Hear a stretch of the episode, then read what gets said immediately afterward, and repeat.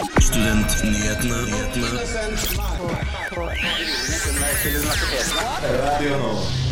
Hei og velkommen. Eh, nå er klokka 11, og det betyr jo at det er Studentnyhetene sin tur her i dag. Eh, mitt navn er Selma Bull, eh, og det er jeg som skal guide dere gjennom den neste timen.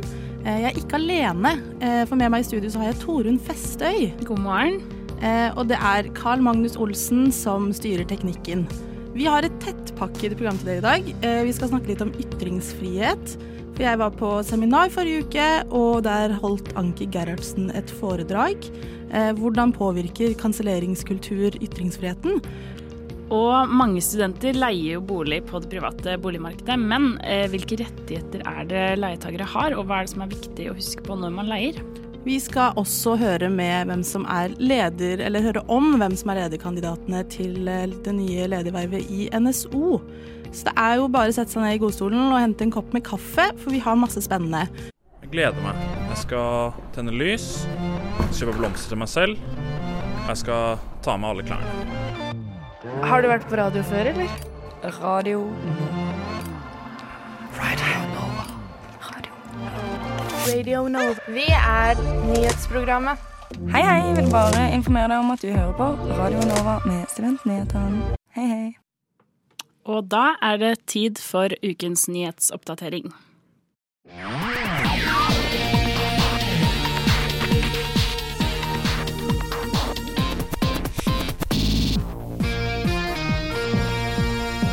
Det er tidligere forvaltningssjef Atle Høkli som anklager eiendomsavdelingen ved universitetet for å ha brukt over halvparten av pengene som var budsjettert til miljøtiltak, på intern gjeld. Klokken ni i dag la regjeringen frem en krisepakke for ukrainske flyktninger som kommer til Norge. Pakken handler fremfor alt om å håndtere situasjonen i Norge tre uker etter at Russland invaderte Ukraina, og det melder NRK. I pakken kom det frem at Norge skal gjøre seg klar til å ta imot opptil 100 000 flyktninger fra Ukraina. Torsdag 17. mars ble rapporten fra Finansieringsutvalget, ledet av Siri Hatlen, overrakt til høyere utdanningsminister Ola Borten Moe. Det melder Krono. Ministeren uttaler i en pressemelding at han takker for rapporten, og ser fram til å lese den grundig. Eh, Rapporten har fått både positive og negative tilbakemeldinger. Blant annet har leder for NSO, Tuva Todnem Lund, uttalt at utvalget angriper gratisprinsippet i norsk utdanning. Og mandag denne uken ble vinneren av Holbergprisen 2022 offentliggjort. Eh, Årets mottaker av prisen er Harvard-professor Sheila Yasanov, som vinner på bakgrunn av sin påvirkning på internasjonal forskning innen fagfeltene humaniora, samfunnsvitenskap, juss og teologi. Yasanov si, sitt hovedfokus har vært forskning på hvordan vitenskap og teknologi påvirker samfunn, politikk og kultur. Dette var ukens nyhetsoppdatering, og mitt navn er Torunn Festøy.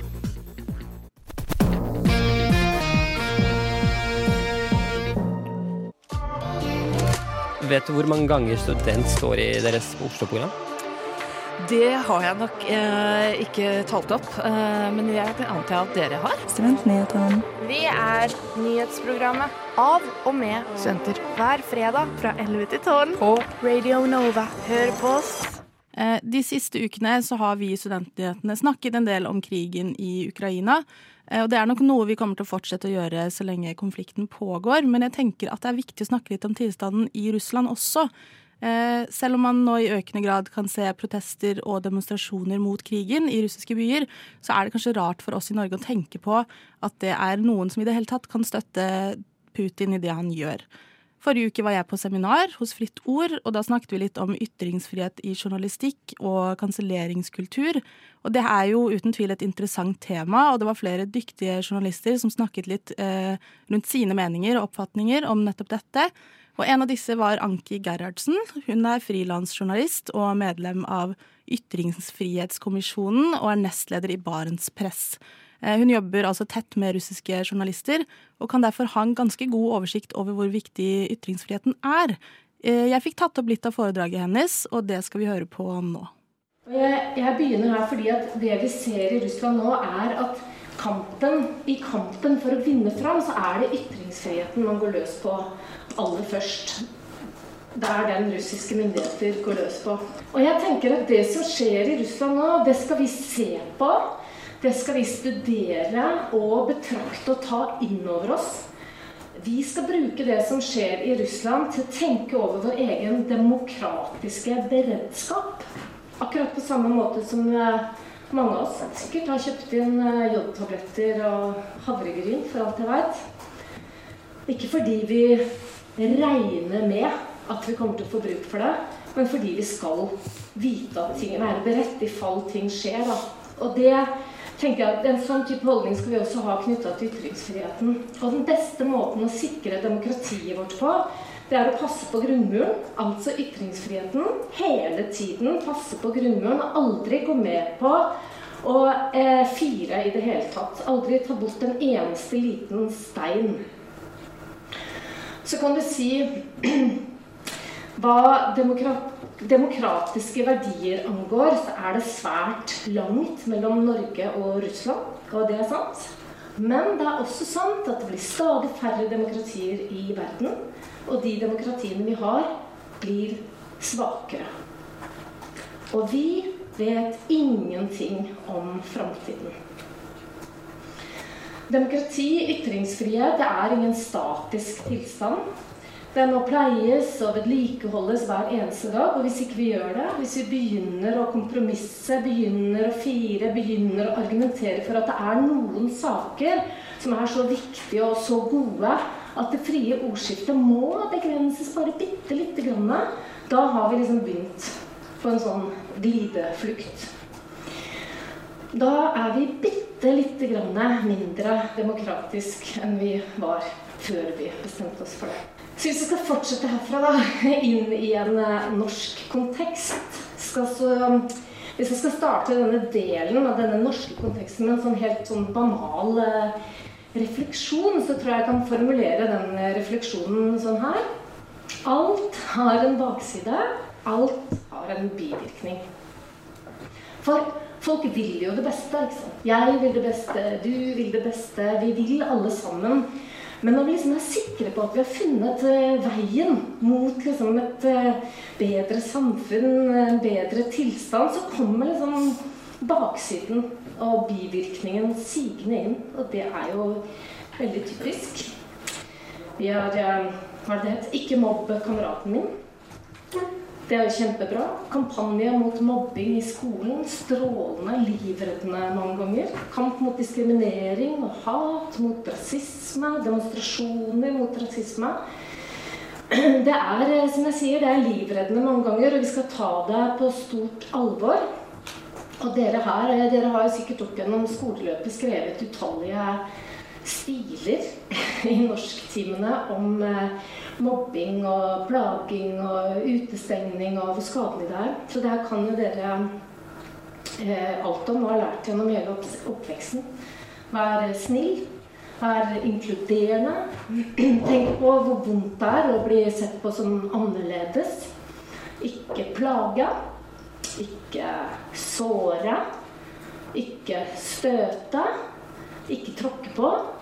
Men så har det liksom en sånn tendens til å fortsette litt videre. da. Ikke tråkke på tærne. Ikke skape dårlig stemning. Ikke snakke om det. Ikke diskutere akkurat det der. Og ikke vis sånne tegninger når noen blir så innmari lei seg. Eh, hun var jo innom litt forskjellig her, både demokrati, eh, ytringsfrihet generelt og i Russland. Eh, men jeg tenker at vi kan jo snakke litt løst rundt dette.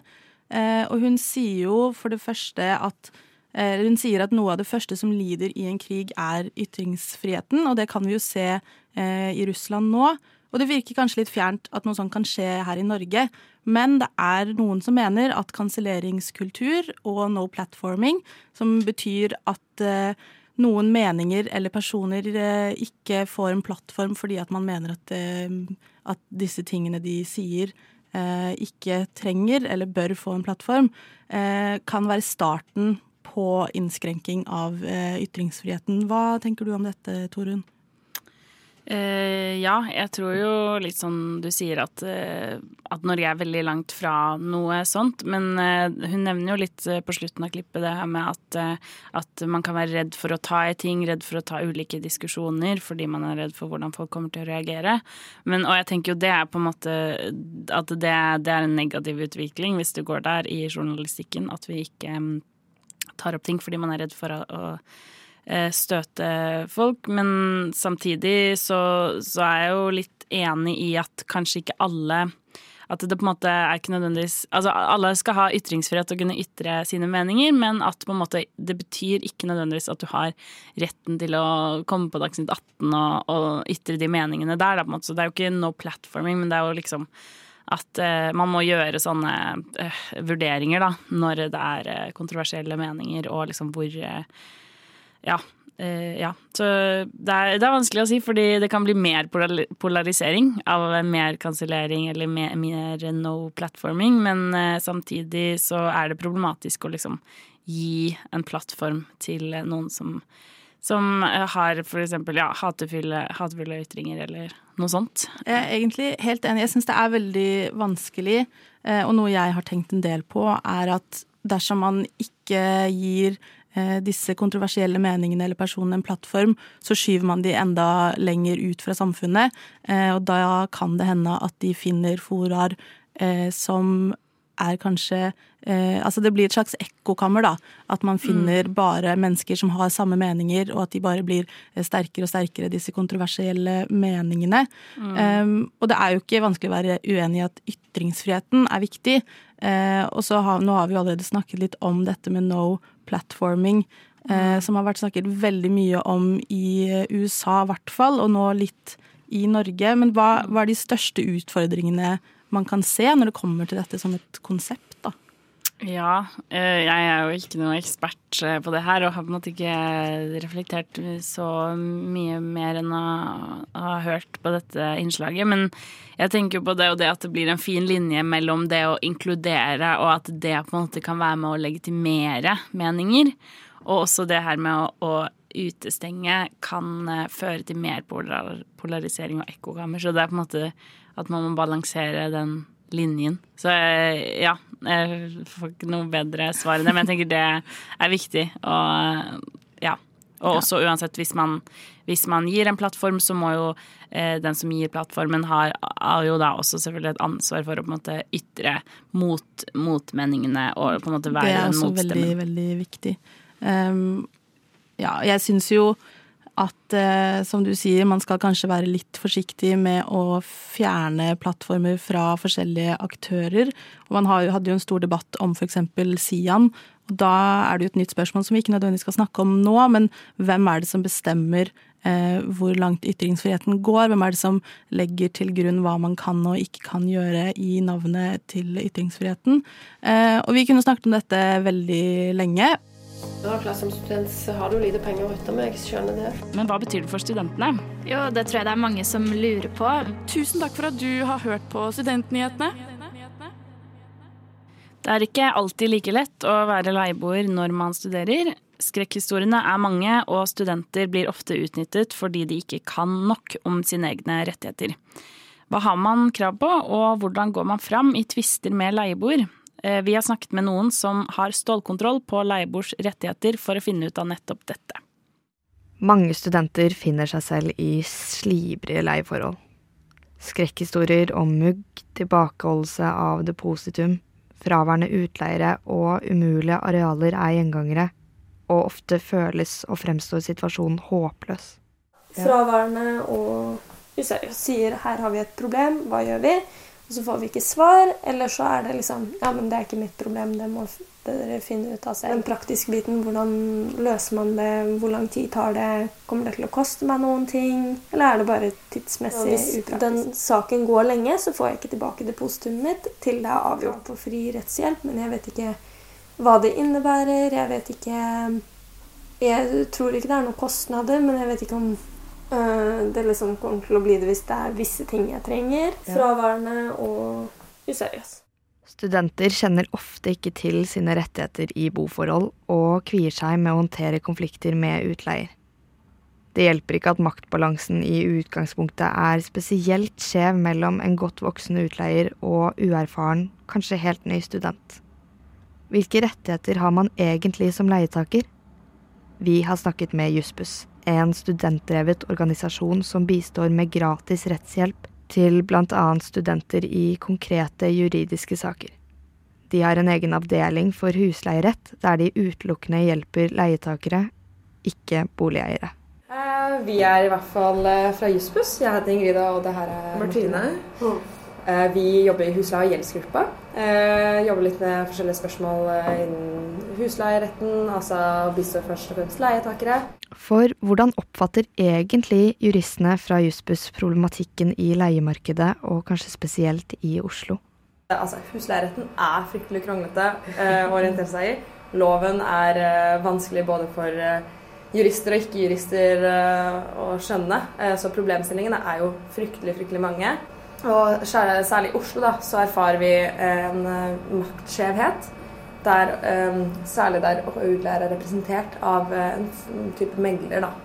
Ja. Så er det jo på en måte, Da har man den kompetansen bak seg, og så er leietaker gjerne en nyinnflyttet student eller noen andre som kanskje ikke har så stor erfaring med leiemarkedet, leiemarkedet som sådan. Mm. Og som også gjør at utleiere, slik vi erfarer, i hvert fall, ofte tar seg større friheter. For de vet at ok, mister jeg denne leietakeren, så kommer det alltid en ny. Mm. Det er alltid noen som trenger et sted å bo. For mellom utleier og leietaker er det ofte konfliktfylt. Maktbalansen er grunnleggende skjev. Hva erfarer juristene at de vanligste tvistene i leieforhold er? Altså Det er jo flere. Rent generelt så kan vi jo si at studenter og folk flest vet jo veldig lite om rettighetene sine. Mm. I utgangspunktet så er det jo avtalene som er eh, springpunktet. At man har en avtalefrihet kan være jo nytt for ganske mange. At man kan avtale seg eh, bort fra diverse ting. Diverse altså det man kanskje opplever som urettferdig kan man prøve å komme til enighet om. Klientene våre kommer ofte med spørsmål om depositumskontoer, der det viser seg at det er en ulovlig depositumskonto. Det er mange ting som skal være på plass i alt dette. Hva er det en uerfaren og surrete student burde ha kontroll på idet man inngår en kontrakt? altså, her er det mye å dra fram. helt, helt uh, alfa og omega. Les kontrakten nøye. Det er så viktig å forstå hva man forplikter seg til. Eh, er du usikker på enkelte punkter i kontrakten eller hvordan enkelte spørsmål stiller seg for leieforholdet, så er det viktig å undersøke nøye. Vær ganske, vær ganske sikker på hva du signerer før du signerer det. Før man signerer en leiekontrakt, eh, så er det jo eh, lurt og egentlig bør gjøres i alle tilfeller å gå gjennom leiligheten sammen med utleier. I den forbindelse da skrive det som heter innflytningsprotokoll, eller rett og slett da en skriftlig bildebasert dokumentasjon eh, av boligens tilstand mm. ved innflytt. Og man skriver ned hvis du opplever at, eller du ser at det er en ripe som var der før du flyttet inn. Ha det på papiret, sånn at utleier aldri kan komme ved utflytt og si ja, men her er det en ripe. Da kan du si ok, men den her var vi jo enige om at vi så det flyttet inn. Ja. Mm. Og gjerne ta et bilde. Alle, har, eh, alle har tilgang til et eller annet form for kamera nå i mm. denne this day and age. Så lurt å lurt å snappe et bilde hvis man er usikker. Ja. Mm. Ting vi også tenkte er lurt å nevne eh, i, i, forbindelse med signering av leiekontrakt, det er å undersøke om den inneholder et som nærforbehold eh, i air quotes. Eh, det her er en klausul som ofte, som ofte brukes. Eh, og det gjør det rett og slett bare litt vanskeligere å kunne påberope seg mangler. Men der avtalen er taus om særskilte forhold, så ser man jo hen til loven. Dersom dere ikke har avtalt eh, hvordan boligen skal være, eller et særskilt forhold ved boligen skal være, så har du krav på at den er ryddet, eh, rengjort og i vanlig god stand. Men alfa og omega, husk å varsle utleier så raskt som mulig etter, altså om skader eller mangler oppstår. Ja. Ingrid og Martine fra Jussbuss oppsummerer det hele enkelt og greit. Les kontrakten nøye. Gå gjennom leiligheten nøye. Og opprettholde en god dialog med utleier. Mm. Ja. Snakk med han hvis det er noe du syns er feil, eller snakk med han hvis det er noe du mangler. Absolutt. Og er du usikker, ring oss, ring andre. Vi ja. er her for å hjelpe med store og små problemer. Vi håper at eh, dere som har hørt på, kan stille litt sterkere i fremtidige tvister med leieboer eller utleier. Eh, stemmen på begynnelsen av dette innslaget har valgt å være anonym, Og reportere i saken var Shilan Sari og Ingrid Karoline Karlsen. Som student, så har du lite penger å rutte med. Jeg skjønner det. Men hva betyr det for studentene? Jo, det tror jeg det er mange som lurer på. Tusen takk for at du har hørt på Studentnyhetene. Eh, og nå skal vi snakke litt om hvem som stiller til å bli ny leder i Norsk studentorganisasjon. For du, Torunn, har jo lest deg litt opp på dette. Ja, det har jeg. Eh, og denne stillingen er jo kanskje det viktigste vervet innenfor norsk studentpolitikk. Ofte kalles lederen i NSO for Norges mektigste student, eh, fordi man representerer de fleste studentdemokratiene i landet. og dermed ca. 250 000 studenter. Så hun som sitter nå, Tuva Tonem Lund, har annonsert at hun ikke stiller til gjenvalg eh, fordi hun vil starte igjen på studiene sine ved NMBU. Og da er det to kandidater som foreløpig har meldt seg til vervet. Og hvem som tar over stafettpinnen, blir avgjort eh, på NSO sitt landsmøte i april, da. Hvem, hvem, er disse to som stiller? Ja, eh, Litt tidligere i mars så meldte Krono at det var én kandidat som hadde meldt seg, eh, og det var Bjørn Olav Østeby.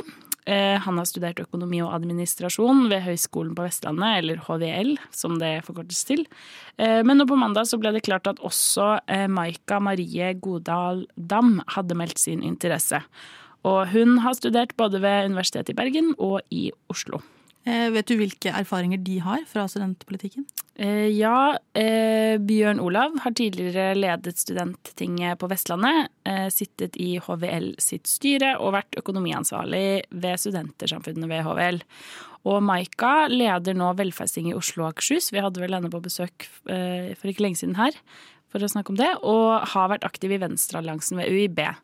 Og de har også begge erfaring fra NSO. Bjørn Olav har sittet i sentralstyret til NSO tidligere, og Maika har sittet i sentralstyret siste året.